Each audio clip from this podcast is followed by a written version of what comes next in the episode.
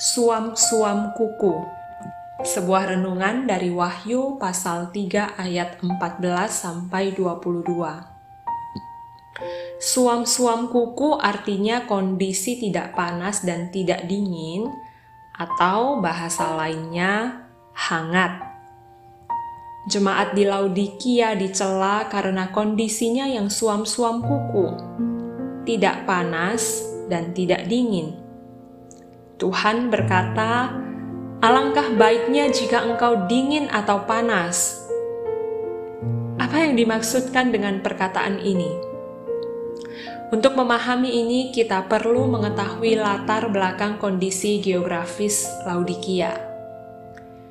6 mil di sebelah utara dari kota ini terletak Hierapolis, kota yang terkenal dengan sumber mata air panasnya. 10 mil di sebelah timur dari Laodikia, terletak kota Kolose yang terkenal dengan sumber air minum yang dingin. Laodikia sendiri tidak memiliki sumber air minum. Dan sebagai kota yang terletak di tengah dua kota yang menghasilkan air panas dan air dingin itu, Laodikia mendapatkan air yang hangat atau suam-suam kuku. Air ini bukan hanya suam-suam kuku, tetapi juga terdapat banyak endapan mineral di dalamnya, sehingga rasanya sangat tidak enak dan bisa membuat seseorang ingin muntah ketika meminumnya.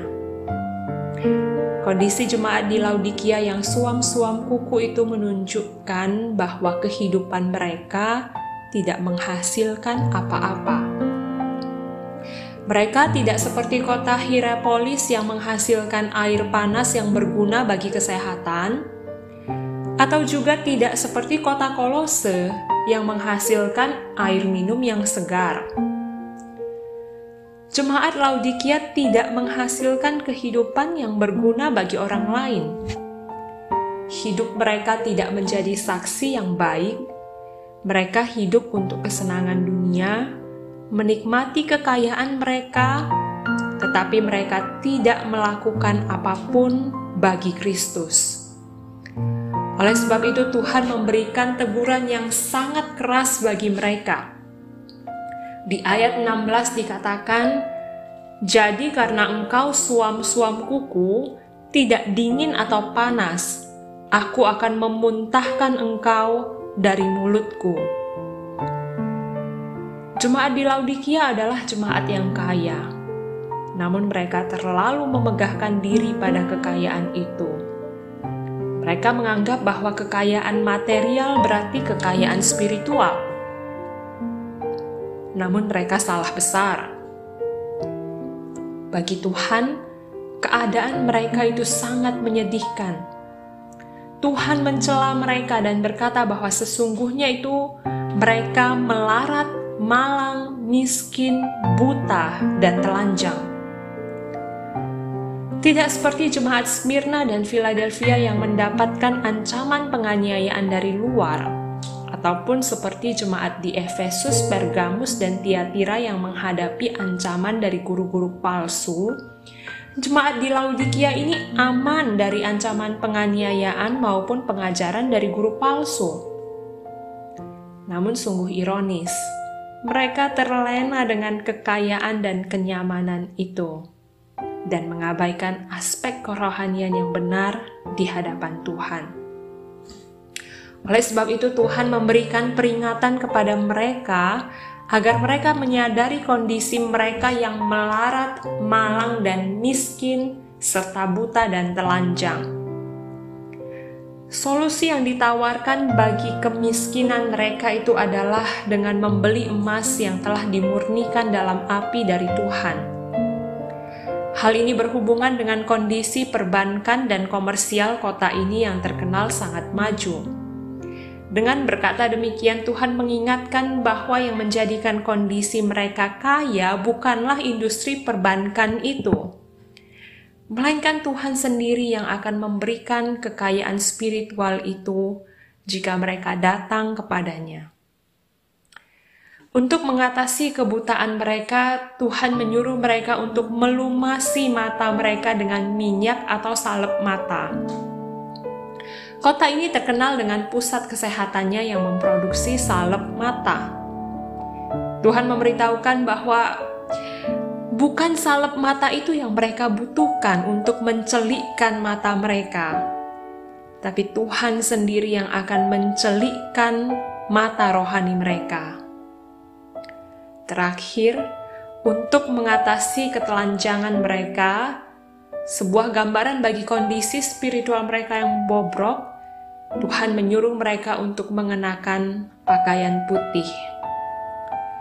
Kota ini juga terkenal dengan industri pakaiannya yang menghasilkan kain wol mengkilap warna hitam yang mewah.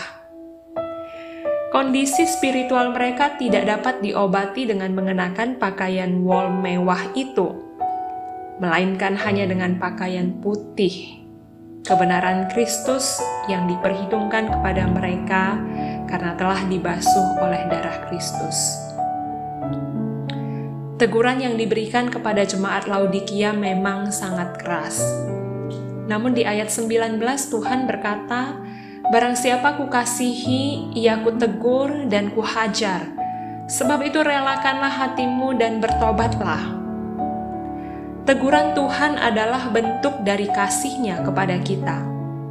Dia tidak akan membiarkan anak-anaknya yang dia kasihi jatuh semakin lama dalam dosa mereka. Respons yang dapat kita berikan dari teguran itu adalah dengan merelakan hati, menyadari keberdosaan dan kebobrokan kita, serta datang kepadanya dan bertobat. Bagaimanakah kondisi kerohanianmu saat ini? Apakah kamu juga merasa sedang suam-suam kuku? Tidak menghasilkan apa-apa bagi Kristus? Tidak sungguh-sungguh hidup bagi Kristus? Lebih suka hidup bagi kesenangan duniawi? Jika kamu menyadari hal ini, relakanlah hatimu untuk bertobat. Tuhan berdiri di muka pintu hatimu dan sedang mengetuknya.